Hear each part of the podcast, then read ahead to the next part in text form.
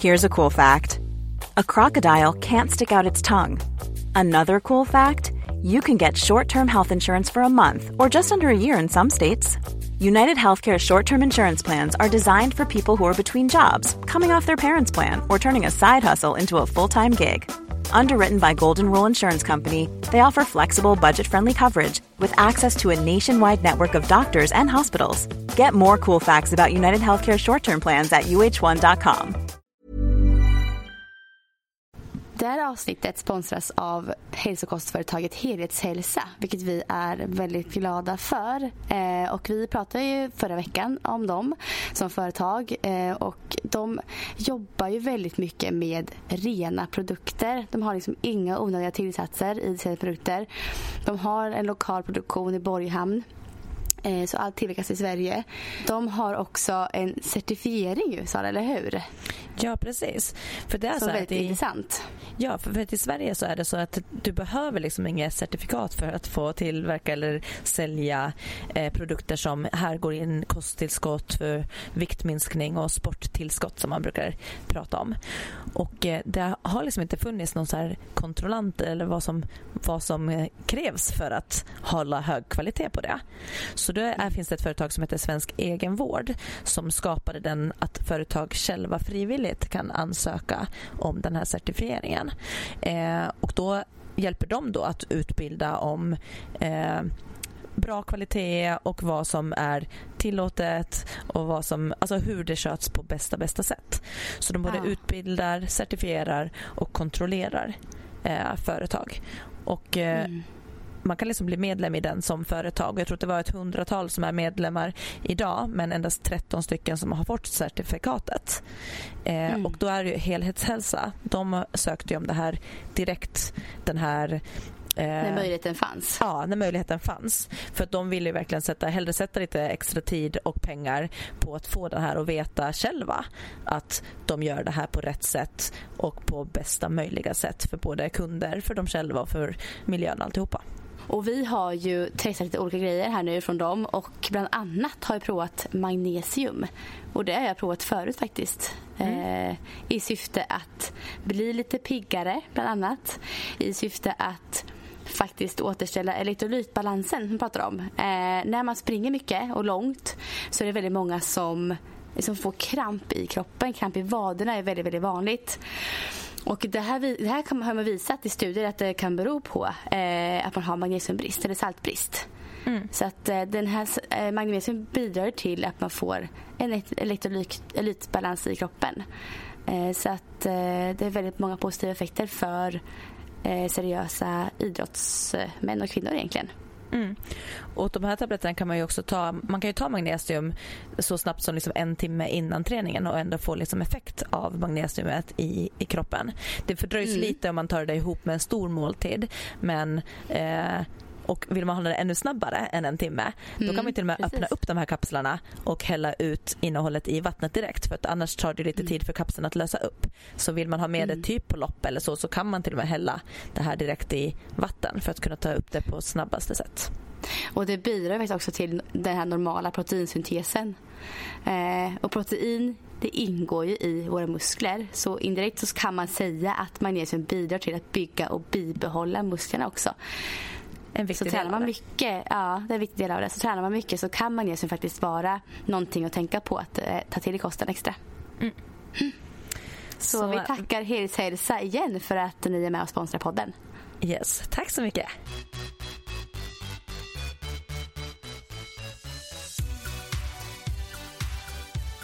Välkomna till ett nytt poddavsnitt med Viss och Svärm on the run. Idag är det onsdag vilket har blivit vår, eh, det har blivit vår inspelningsdag för det mesta. Och eh, jag har faktiskt längtat riktigt mycket till onsdag för vi har inte pratat sen efter helgen och jag är så otroligt nyfiken på vad som hände i New York. Ja. Välkommen hem. Tack. och det roliga jag tänkte så här, jag lyssnade på vår tidiga avsnitt och då var det så här, ja och då får vi höra en rapport om New York, ingen race-rapport utan bara en liten annan New York-rapport och sen, men nej, du sprang. Ja, alltså så galet. jag tror att vi är ganska ju... många som är förvånade. Ja, alltså alla. Alltså jag, och det är så många som alltså, har lyssnat på podden och som, eh, som eh, följer mig på Instagram och sådär och kompisar och föräldrar så, som verkligen har reagerat och eh, varit chockade. Eh, men det är väldigt många som har varit positiva ändå till det. Jag tänkte nu, får jag, nu kommer jag få så mycket skit för det här. Nu kommer Sara skälla på mig. Nu kommer min sambo skälla på mig och alla lyssnare. Men alla har varit så snälla tycker jag. Så jag är jätteglad ja. för att jag sprang. Vi har gjort det lite med glimten i ögat. Jag har ju blivit taggad i några inlägg att så här, åh ta det försiktigt så att inte Sara blir arg på dig. Jag vet. Och din sambo skrev också så här, vänta nu, det här var väl inte riktigt vad ni kom fram till. Nej, det var verkligen inte det. Och jag, min inställning jag skulle dit var verkligen så här, jag kommer inte springa. Eh, men mina, mina kompisar sa med det nu när jag sprungit efter att men vi visste att du skulle springa Jossan. Alltså. Ja, okay. ja. Men berätta, eh, vad, vad hände från att, du, från att ni åker iväg? Berätta vad som hände innan loppet, alltså när, när tankarna och när det började luta åt det här hållet. Ja, alltså jag hade bestämt mig väldigt... Alltså, dagen innan egentligen så innan det så hade jag så här, då var jag helt bestämd. Sen var jag som kompis dagen innan vi skulle, jag skulle åka kvällen innan och bara så här, nej men gud, tänk om jag får så här som jag sa i podden om att jag bara står och känner att nej jag måste springa när jag väl är där. Tänk om det händer. Och då började jag tänka så här att fan jag kanske ändå kommer hamna i det liksom, tillståndet när jag är där. eh, men ändå såg jag med inställningen att nej, jag ska inte springa. Och jag pratade med resenärer på flygplanet och så också och sa att jag ska inte springa. Eh, jag åkte ju med Springtime Travel eh, även hit då. Mm. Och det var ju många som åkte tillsammans. Vissa var sjuka, skulle inte springa. Och jag var ju skadad och skulle inte springa. Men sen så när jag kom dit så hamnade jag i ett rum med en som heter Anna på Springtime. En fantastisk kvinna. Underbar på alla sätt och vis. Eh, och hon sa till mig tidigt så eh, första dagen där att eh, jag kommer springa väldigt, väldigt sakta med en, med en kille som också åker med Springtime som har varit skadad och sjuk tror jag han har varit. Eh, så vill du liksom hänga på oss i väldigt långsamt tempo, vi kommer gå lite också, så gör det. Och jag bara men gud, ska jag ta den här chansen nu när hon ändå lägger fram det så? Eh, och jag sa till henne att jag kanske kommer sacka ner det och jag kanske kommer behöva gå ganska mycket. Hon bara, ah, men då går vi med dig. Vi hänger ihop. Jag bara, okay. Okej, men jag hänger på. så jag, jag bestämde mig inte hundra direkt, men dagen efter där, jag sa att jag måste smälta det en dag här nu. Eh, sen så, så bestämde jag för att gå så åker vi till mässan på lördagen liksom, och hämtar min nummerlapp. och så blev det också. Men om man tänker din packning då, var den egentligen packad? Hade du med dig allting som du brukar ha när du åker för ett lopp? Eller hade du packat för att inte springa? Eller hade du ja, liksom ja. smygpackat med bästa racekittet? Jag hade smygpackat. Ja, jag tänkte nästan det att du hade med för säkerhets skull. Ja, alltså jag hade ju med mig Dimor som jag alltid har när jag springer lopp. Det hade jag inte haft annars. Liksom. Jag, jag, jag tar med de här ifall att. Eh, och jag hade med mig vaselin för fötterna som jag alltid har ifall att. Två olika varianter till och med. eh, så att ja, jag hade absolut tänkt att jag tar med mig ifall att jag ändå står där på startlinjen. Så någon, någonstans fanns det hos mig att det kunde bli så när jag åkte. Ja. Så du hade tagit beslut men du var inte helt övertygad? Nej, det var jag inte. Alltså så här, New York, alltså, men jag kände när jag klev av planet och bara så här, alltså det här, jag måste ju få uppleva alltså New Yorks gator i mina löparskor. Jag måste det när jag är här. Jag bara kände suget bara kom till mig liksom. Mm. Och bara, jag kan inte gå miste om det här. Jag får inte det. eh, men jag, så här var det också. att Vi sprang morgonjoggar varje morgon när jag kom dit. Då. Eller jag hade två morgon, fredag och lördag. Uh. Och jag sa det till mig själv innan så att om jag kommer få ont när jag springer då kanske jag ska, då, då springer jag liksom inte. Men jag kände ingenting på morgonjoggarna i foten. Mm -hmm. eh, då sprang vi väldigt, väldigt långsamt och kanske bara några kilometer varje morgonjogg. Men jag kände ingen smärta alls i foten då. Då var det så här, mm, då testar jag liksom. Så att, eh, ja. För att ha foten överlag, var, var det lite bättre senaste? Ja men alltså den har hållit sig. Den, jag tänkte på det så här, för jag har varit så deppig över det här. Det kommer aldrig gå över, det kommer bli kroniskt, det kommer aldrig bli av med fotsmärtan. Men jag tänker tillbaka så har det verkligen blivit bättre och bättre hela tiden. Och ja, det har det verkligen blivit. Och nu efter loppet så har jag faktiskt, jag har faktiskt mindre ont nu idag än vad jag hade innan loppet. Ja det är så? Ja, det är faktiskt så. Eh, så Undra- att vad det är ju på rätt väg. Vad, den, vad det påverkas av. Alltså, Ja. vad det är som gör kände jag ju- sämre. Och, Ja, men däremot kände jag under loppets gång så kände jag faktiskt av lite grann i foten. Eh, så vi fick sakta in lite grann och jag fick gå några steg ibland bara för att liksom skaka bort det här liksom, och se kommer jag kunna fullfölja eller kommer behöva avbryta. Liksom. Men så släppte det igen liksom. och så kom det tillbaka lite grann smärta, sen släppte det igen. Så att det var en lite smygande smärta som låg där. Inte så mycket kraftig men det var någonting som då störde lite grann.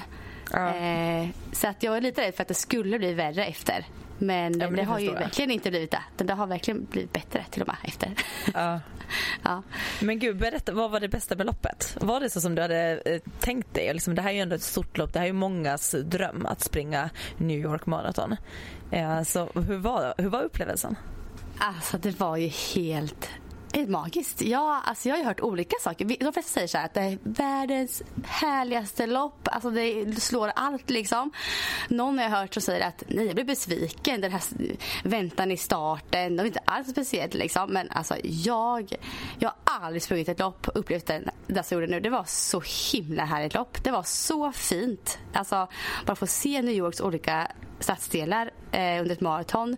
Starta på, ute på Staten Island var det och sprang vi över en bro, Verrazano-bron eller vad den heter, eh, in mot eh, ja, fastlandet och det var ju så fint. Vi hade blå, klarblå himmel liksom hela loppet, jättefint väder, eh, lagom temperatur och det publikstödet vi hade.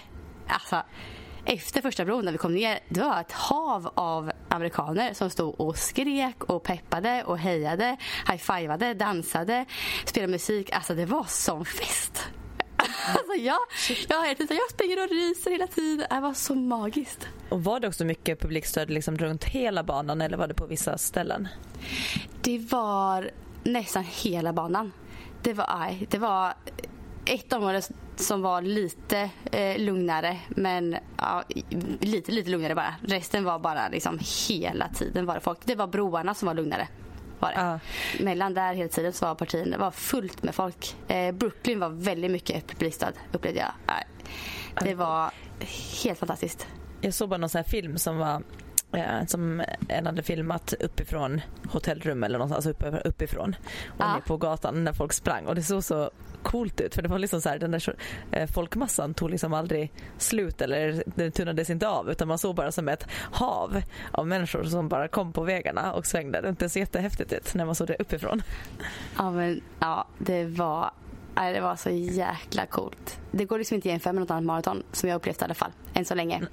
Eh, och sen var det ju så med, med tanke på att vi sprang som vi gjorde. Alltså vi sprang ju verkligen och skrattade, stöttade folk, high-fivade folk. Vi dansade med publiken. Jag flossade med en liten pojke. Du vet, så här. Alltså, vi hade så roligt. Och att få uppleva faktiskt, det här kan jag rekommendera folk som känner som press över att springa på tider och sådär. Ibland kan man faktiskt springa lopp och bara liksom ha kul. Mm. Alltså verkligen bara uppleva allt som är runt omkring. För det gör man inte när man har en tidspress som man ofta har. Nej Eh, precis, när man ska så- jaga ett rekord för då är varje sekund Nej. viktig. De är inne i sitt huvud så mycket. Man är nervös innan. Man tar inte in det här härliga in, atmosfären innan loppet heller. Man är nervösa tillsammans. Och så här. Utan man är så i, i sig själv då. Men att få uppleva ett lopp som man bara helt jag var inte ett dugg nervös. Utan bara så här. Nu ska jag bara umgås med härliga människor och bara springa och njuta hela vägen in i mål.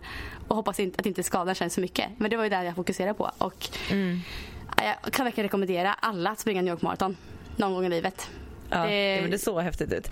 Och i den där stories du la ut också, man såg verkligen eh, hur så här, lycklig du var och hur du njöt. Det syntes Ja. verkligen på var liksom, hur du njöt av att vara en av de som faktiskt sprang även om det gick också. Men du var liksom med och deltog. Ja men verkligen. Jag var ju så ly- och jag, jag tror att jag var extra lycklig för att jag inte skulle springa. Att jag verkligen Ja. jag, jag, jag trodde ju inte det äh, ganska länge nu innan och, och att jag ändå stod där på startlinjen sen. Alltså bara det var ju bara ren lycka för mig. Ja. Eh, jag var så glad över det. det var så jäkla härligt. Nej, fantastiskt. Ja, jättekul. Men och eh, då, du, du har ju sprungit på vad sa du, 3.18 eller vad? Ja, 13. Ja. Mm. Och nu gick det här loppet lite på över fem. Fem timmar och 20 minuter var vi ute. Drygt. Ja. Ja. Och hur kändes det liksom så här att bara springa i det, för det är ju för dig ett, ett väldigt långsamt tempo.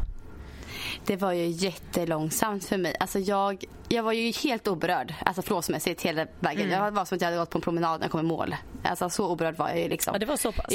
Ja, gud ja. Men då hade vi, alltså för mig var det ju långsammare än mitt, mitt långsammaste joggtempo. Alltså ja. verkligen, vi joggade jättelångsamt.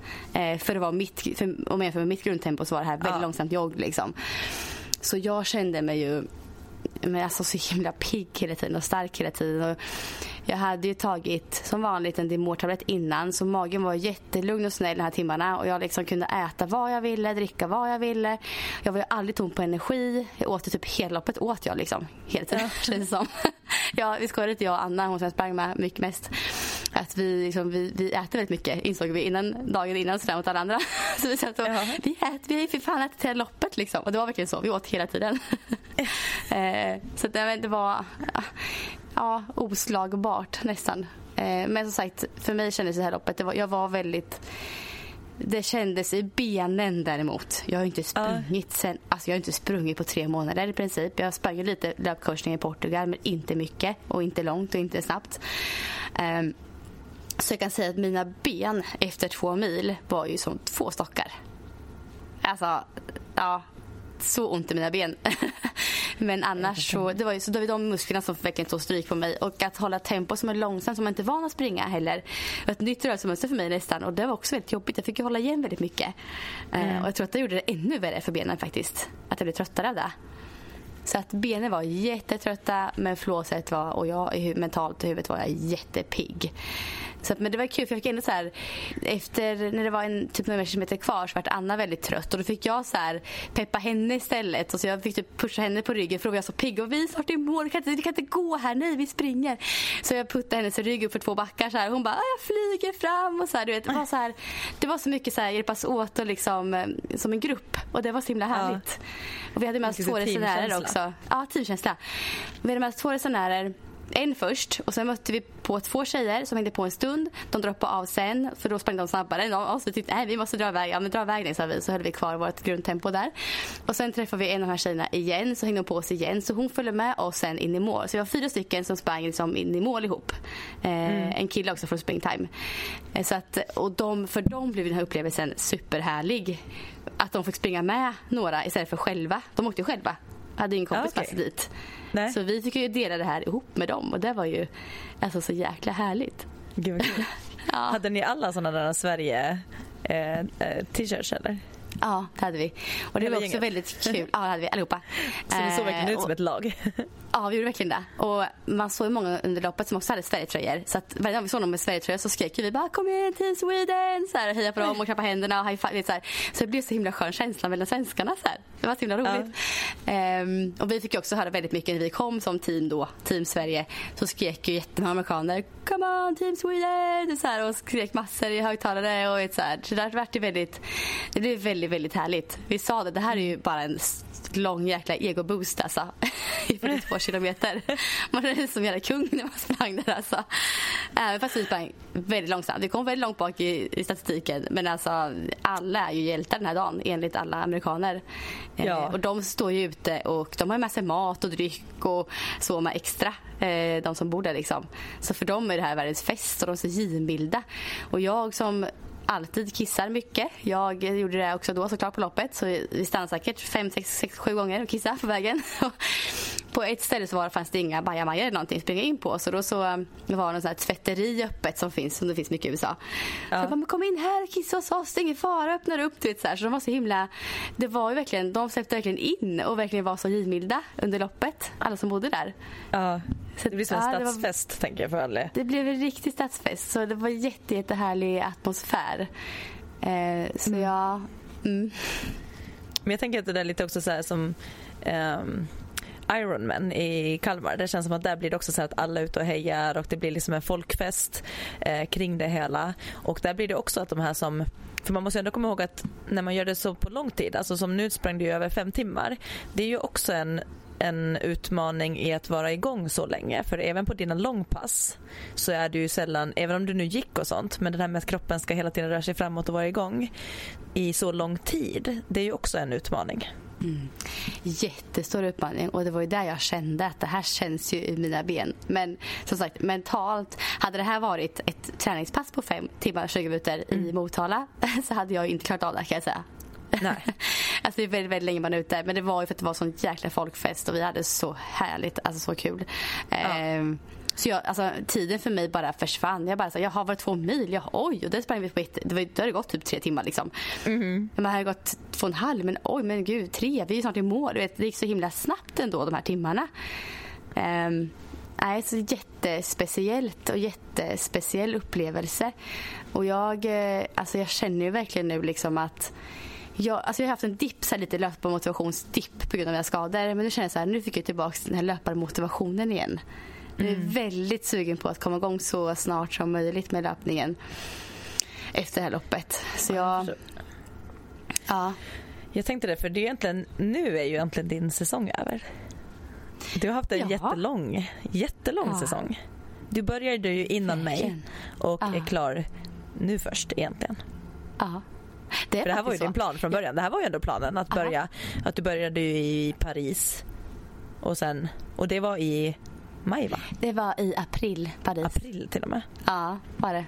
Och nu jag har ju tränat inför, alltså jag har ju maratontränat egentligen från januari. ja. kan man säga. Sen har jag inte fått maratonträningen efter juni ordentligt. Men eh, jag har haft mentalt, jag har varit inne i maratontänket ja, ända sedan i januari till nu liksom. Egentligen. Ja. Så, um, Så vad, vad händer nu? Vad, vad är känslorna för eller hur känns säsongen? Hur skulle du vilja utvärdera din säsong? Alltså den känns ju... Det är verkligen upp och ner. Det har varit jättebra och jättedåligt verkligen toppar och dalar på alla sätt och vis. Eh, jag hade ju en så himla härlig start på året. Jag var ju aldrig sjuk. Jag var inte skadad någonting alls, vilket jag som sagt, som jag sagt tidigare, jag har aldrig varit skadad förut eh, så här eh, som löparskada jag haft nu. Eh, och jag hade ju sån löparmotivation. Eh, så aprils lopp i Paris började ju med ett personbästa Sen sprang jag en 5 lopp där tätt inpå som också varit personbästa. Så sprang jag Stockholm Marathon som också varit personbästa. Um, och efter det så blev jag liksom skadad kan man säga. Eh, så jag hade ju ett väldigt bra flow där. Men det, det är så intressant. Vi pratade, vi pratade med, tänkte på eh, Vare och Rud, deras klinik där. De var ju och hälsade mm. på oss i podden och de sa ju det att den största skaderisken är ju nästan att man sätter personbästa. Ja. Eh, vilket för mig blev det ju faktiskt så man blir väldigt ivrig och vill så mycket mer eh, när man känner att man har flow i träningen. Och Då tror jag att man liksom ska försöka egentligen i efterhand då, eh, kanske backa lite och ta det lugnt. Mm. Men, eh, men som sagt, så den perioden var jätte, jättehärlig och jättebra på alla sätt och vis. Sen så var ju sommaren lite jobbig när jag inte eh, alls kunde träna som jag hade velat göra. Eh, men det, var det här mycket... var egentligen på grund av knä? Då. Ja, det här var ju på grund av mitt knä exakt efter maraton. Eh, med menisken där som fortfarande känns lite grann faktiskt ibland kan jag säga. Um, mm. Men eh, då körde jag mycket rehab efter det. Jag hade ju lång löpvila. Uh, alternativ träning har jag hållit på med väldigt mycket. Sen kom ju min uh, fotskada i, när jag spelade padelmatch uh, för tre månader sedan nu i början på augusti. Um, mm. Och det är den som egentligen gör att jag inte kunde springa på ordentligt under loppet här nu och tränat inför New York Marathon.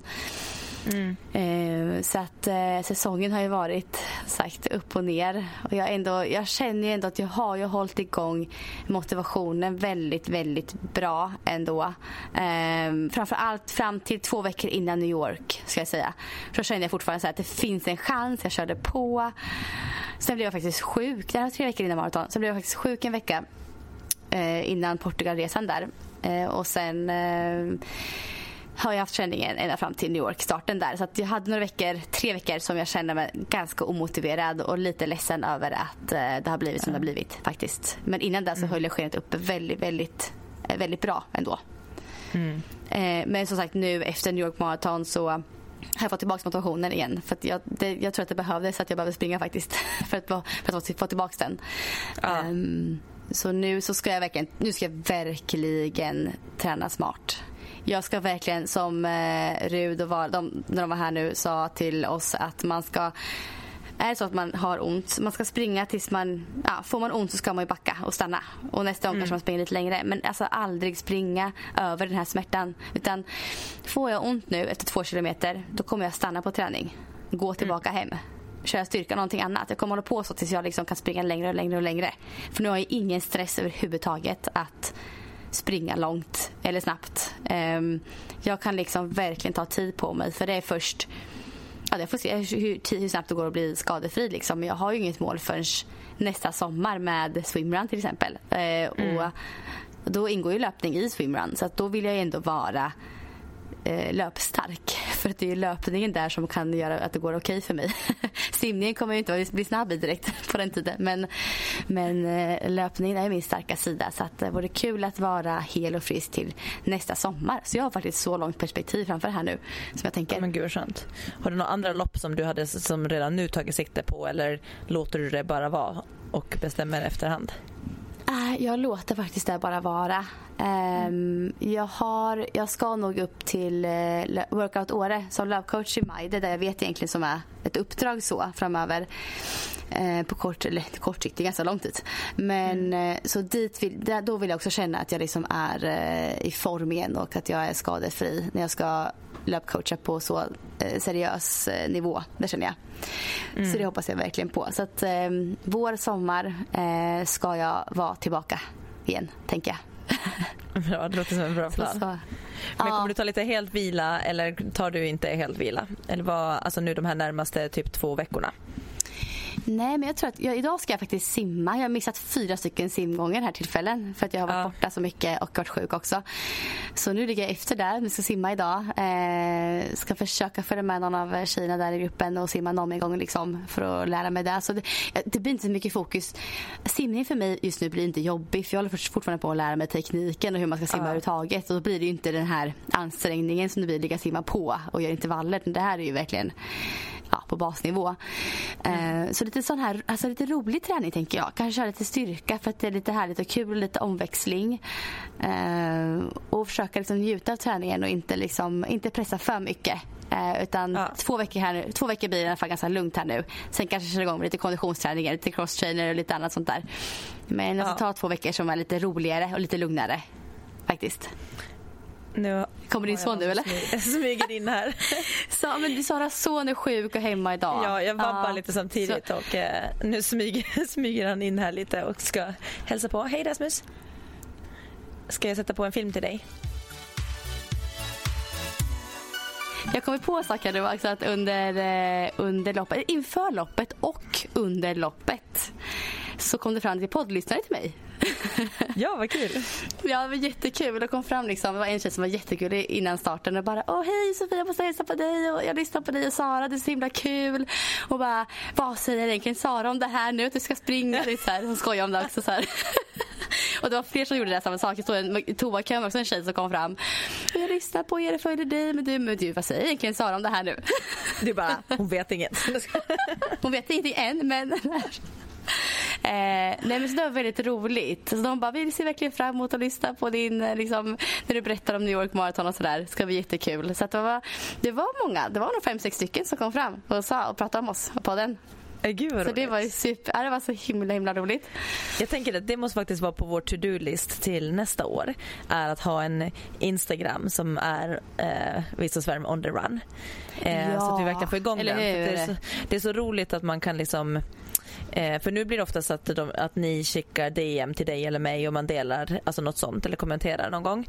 Men det ska vara roligt att det verkligen blir samlat på ett och samma ställe så att man kan också inspirera och peppa varandra och att det blir liksom lite mera eh, flervägskommunikation. För nu är det mer ja. vi som pratar ut. Och sen så, men jag tycker det är så roligt när man får eh, höra av andras erfarenheter. Till exempel om det här när vi har haft om PMS och urinläckage och allt sånt. Jag, jag lär mig så mycket när ni skriver till mig. Men då tänker mm. jag att det skulle vara bra att flera också då kan läsa och ta del av de här kommentarerna.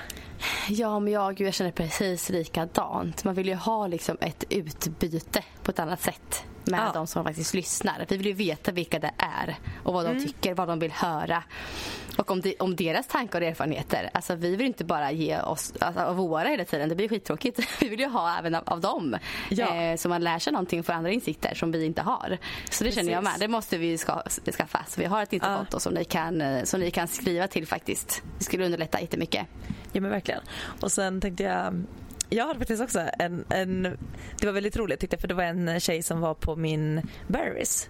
Det, det är flera som har varit på Barry's och sagt att de lyssnar på podden också. så det är vad jätteroligt. Ja. Men sen var det nu i fredags så var det en tjej som, eh, som bor i Göteborg som var uppe i Stockholm över helgen och då gick på min, eh, min klass.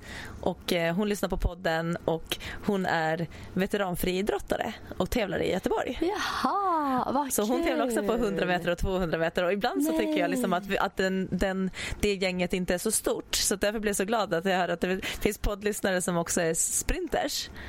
Ah, hon, det var så kul också för hon har också långsiktigt mål den här eh, veteran-VM som är i Göteborg 2022. Så det är väl roligt att vi har samma långsiktiga mål så att eh, vi kommer ses i Göteborg. Alltså, så det kändes också måste- roligt. Ja, och hon måste tycka att det är väldigt kul att lyssna på dig då, tänker jag. Och följa Ja, din resa. För att hon gör samma resa typ. Ja, men Ja. Det måste vara jättekul för henne. Hon är ju veteranklassen redan. Jag tränar ju inför det. Men jag pratar ju mycket om veteranfriidrotten och så. Ja, så men jag tror att hon skulle gå upp i 45-årsklassen då samma år som Göteborg. Så jag kommer ju vara första året i 35 och få vara med för första Mm. gången. Men hon ska också då gå, vara uppe i, i nästa klass då, så hon är då eh, antagligen ungefär 10 år äldre än mig.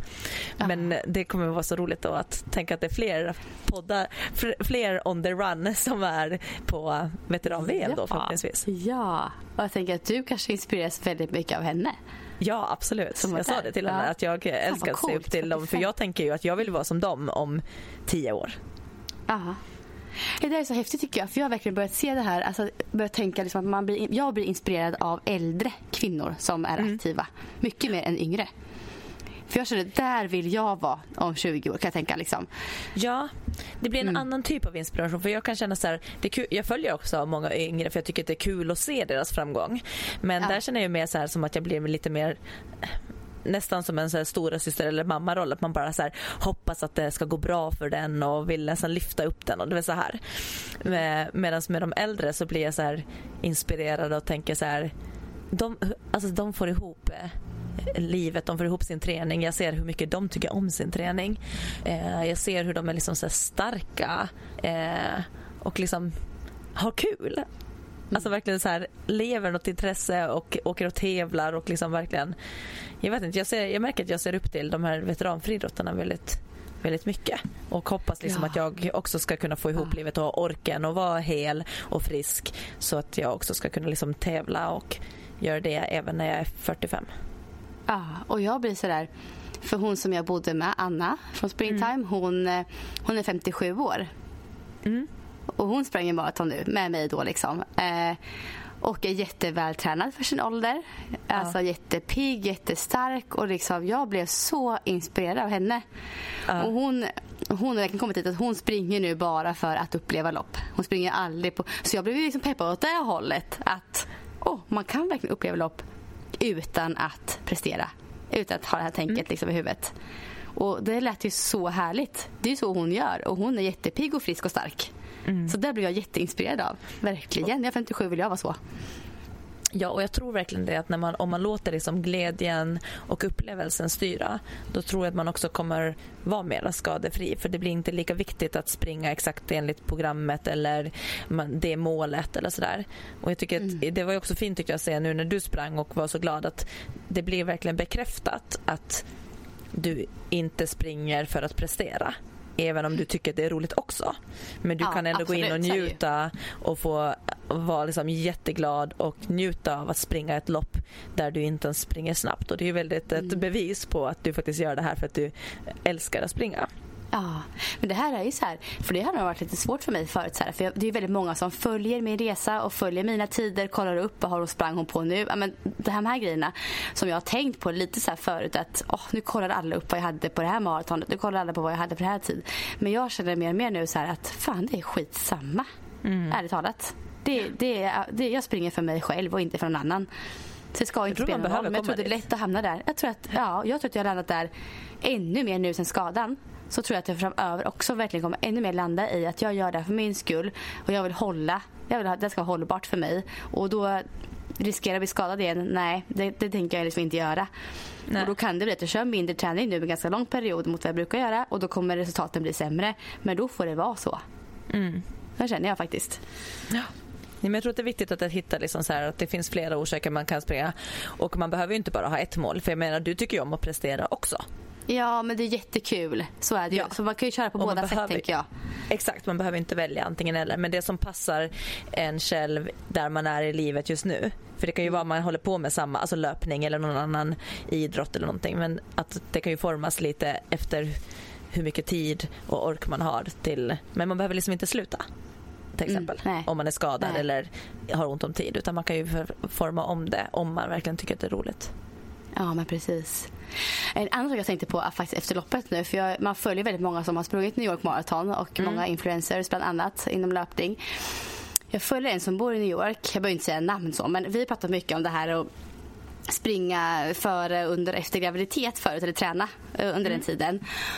Och hon la upp ett inlägg igår. Hon har alltså sprungit maraton här nu, efter, tre månader efter hon fått barn. Oj. Alltså det, det, I mina öron låter det helt galet. Men alltså, Jaha. jag ska inte döma någon på något sätt. Men hon var ju så stolt över sig själv och folk peppar och skriver att hon är powerwoman och allt det här. Men jag tänker så här, men gud, är det verkligen... Jag blir dubbel nu alltså. Men jag, Ja. för mig låter det så farligt. Liksom. Hon kanske var jätteredo, inte vet jag. Men jag tror att det här kan ge signaler som inte är kanske hundra jättebra för andra. Tänker jag bara. Jag bara kom att tänka på det när jag såg hennes inlägg. Jag bara, men gud, shit, tre månader efter förlossning. Tänk om andra försöker göra samma sak. Du vet, det kan ju, vara, det kan ju ge mer, mer skada, tänker jag, för de flesta. Ja, men jag tror också att det blir lite så här, det är där det blir farligt när man börjar jämföra sig. För att Ja, man vet att, att så, verkligen. kort, så kort tid, jag skulle kalla att hon fortfarande är postgravid. Liksom, Ja, eller hur? den. Ja. För att kroppen, alltså bara sådana kroppsliga Alltså bara att leka underliv och alls, alltså bara det tar ju minst åtta veckor. Mm. Att liksom livmoder ska gå tillbaka, du ska Ja, leka liksom bara fysiskt. Alltså då pratar vi inte om att bygga upp styrkan och den delen utan bara hur kroppens leketid. Eh, Mm. Så att eh, man ska nog vara väldigt försiktig i alla fall och sen absolut inte tänka att så här att det ska kunna vara så. För det tycker jag att jag träffar ibland bara så här, nej men jag har ju sett eh, att eh, hon kunde göra det eller hon kunde göra det. Och det kommer jag ihåg när Petra Kindlund var gäst i vår podd också. Ja, Då sa ju, hon tänkte också att hon tänkte ju så här, bara liksom att hon har ju sett så många som har sprungit personrekord bara tre månader efter förlossning och för henne hörde man ju nästan att det var liksom att det var så hon tänkte att det kan man göra. Det, är- det är Mm. inget konstigt. Och då kommer jag ihåg att nej men det kanske inte är det normala. Heller. Nej. Och så tänker jag så här. För jag vet att det här var den tjejens första barn. Och jag, jag, vet, jag, jag var ganska ivrig och började tävla efter jag var gravid. Typ ett halvår efter tror jag jag sa, eller nio månader efter. Och där fick jag ju, efterhand så fick jag ont i höfterna. Det kom inte Ja. direkt men alltså det kan ju komma efter grejer som gör att man faktiskt får ont och besvär av det. Så jag har varit lite såhär, men gud tänk om, alltså vet såhär, Ja. olika massor göra samma sak och så blir det, du vet så kände jag när jag läste inlägget. Och när folk verkligen såhär höjde upp henne till skyarna så att hon var världens powerkvinna bara för det. Att hon, alltså du vet såhär. Men du vet, ja, jag har varit lite dubbel där kände jag. jag Ja, kände det är lite tudelat. För det är lite Ja. tudelat, för jag tycker också, samtidigt tycker jag att det är bra att man lyfter att så här, en gravid kvinna är inte liksom skadad eller sjuk utan hon är gravid. För det, ibland det behövs, jag tror det behöver pushas åt det hållet också så att folk inte bara så lägger sig på soffan för att nu är jag gravid. Ah. Eh, så det, det behövs ju de som kanske också går lite för långt för att dra upp lite att det är helt okej och normalt att träna och liksom det. För det var ju inte, det är ju inte många år sedan som eh, som man tänkte att det liksom inte alls eh, skulle få göra, vara fysiskt Nej, aktiv. man behandlades ju som sjuk som kvinna liksom, Ja. som du säger egentligen. Ja. Ja, och det kommer jag ihåg när jag var gravid också. Så här, jag var ganska tidigt gravid och, men när folk visste om det så bara åh jag kan bära det där åt dig. Och så var det så här matkasse. Man bara men alltså jag kommer behöva bära den här matkassen även i Ja, nionde och så månaden. vill, man ju inte, så vill man ju inte heller ha det. Så du har, du har verkligen en poäng där. Liksom. Och jag vet ju, så den här tjejen kanske verkligen, hon kanske är tillbaks. Hon kanske är skitstark just nu och det är asgött för henne. Liksom. Och jag vet ju en till kvinna som är bor i Stockholm, jag behöver inte nämna namn på alla kanske, men hon är ju, jo men hon är inspiratör som tusan. Helena eh, Bjalkemo, Balkemo, Ja. Bjalkemo någonting. Eh, hon är ju med som toktränare fram till typ förlossningsdagen nästan, du vet. Och kom tillbaka jättefort och riktigt stark liksom. Eh, ja. Så det finns ju de exemplen också där det faktiskt funkar. Det verkligen gör det.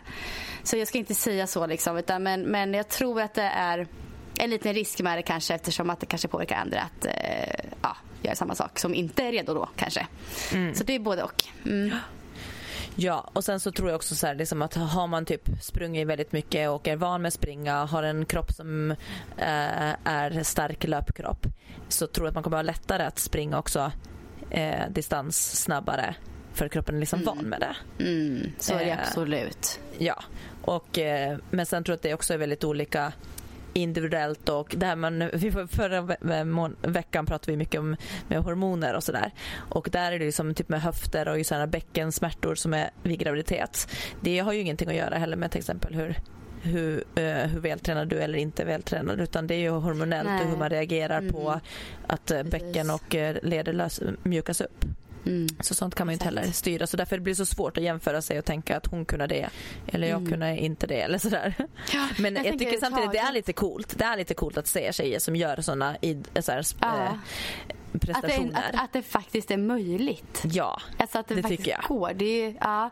Men att tänka likadant Nej, som man inte jämför sig med elitidrottare eller med andra sådär, så att man kommer ihåg att eh, Instagram, man får, till, man, får, man får ta del av så himla mycket saker. Mm. så man får komma ihåg att så här, det här är inte ja. det som man, de flesta gör.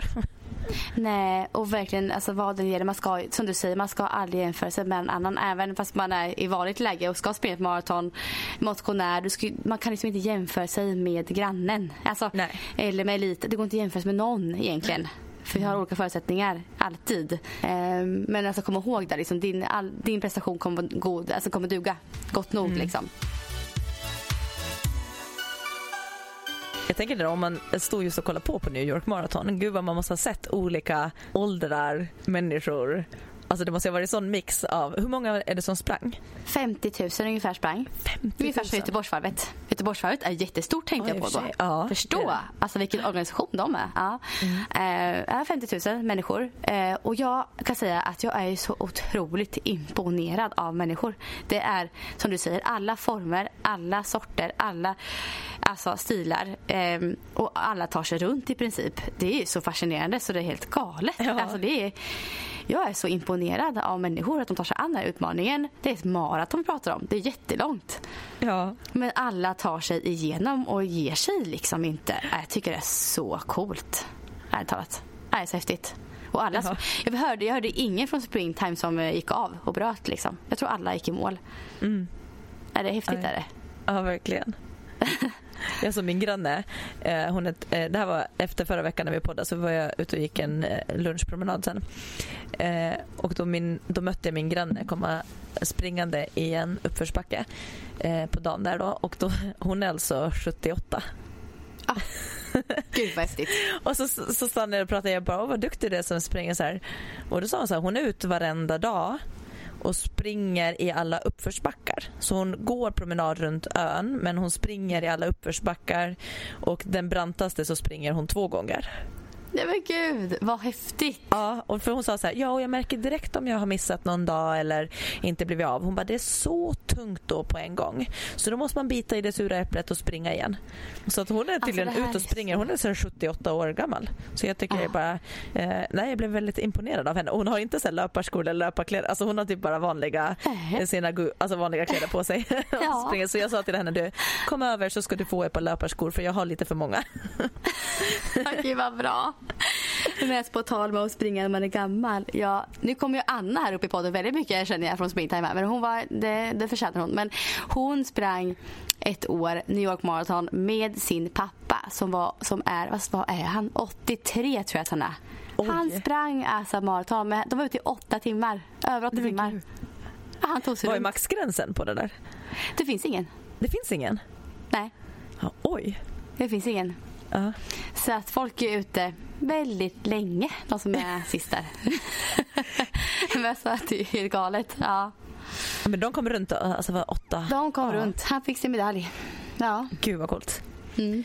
Ja, det var det på, på de här um, triathlon i Kalmar. Där har de ändå en maxgräns. Men det som är kul är också att se de här, jag tror det är 16 timmar eller någonting, kanske maxgränsen något sånt. Mm. Eh, men där är det också så här, publiken sitter ju alltid kvar till de sista och de, alltså de som kommer in sist, de får stående ovationer. Det kommer det är fyrverkerier och det är liksom världens fest. Så jag har sagt det så här, om jag skulle vara med någon gång då skulle man ju nästan vilja komma, komma sist. sist. men för tänk hur länge de har hållit på också. De har ju liksom varit igång ja, hela, alltså, hela, hela dagen. Det här imponerar på mig så mycket. Alltså, ja. Det är vanliga människor som inte är jättetränade verkar som ibland som faktiskt tar sig igenom en Ironman. Det är ju, ja. Äh, ha den mentala kraften tänker jag där och ändå ta sig igenom så många timmar ute på banan. Det är häftigt är det. Ja, verkligen. Men kul hörde du. Din ja. säsong är över. Du har gjort det så bra och nu lite vila, lite simning. Ja. Lite andra fokus. Ja, verkligen.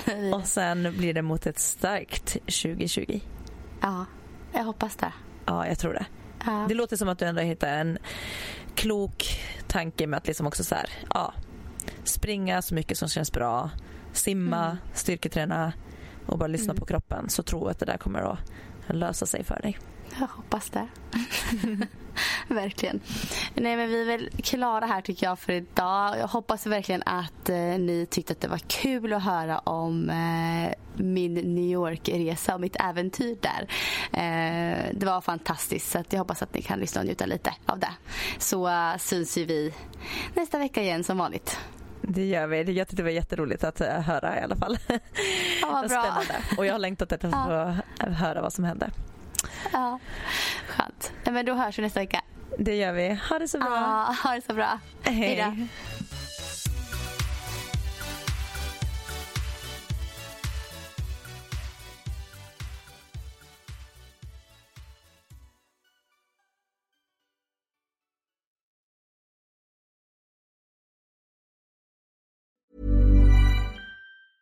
Ever catch yourself eating the same flavorless dinner three days in a row?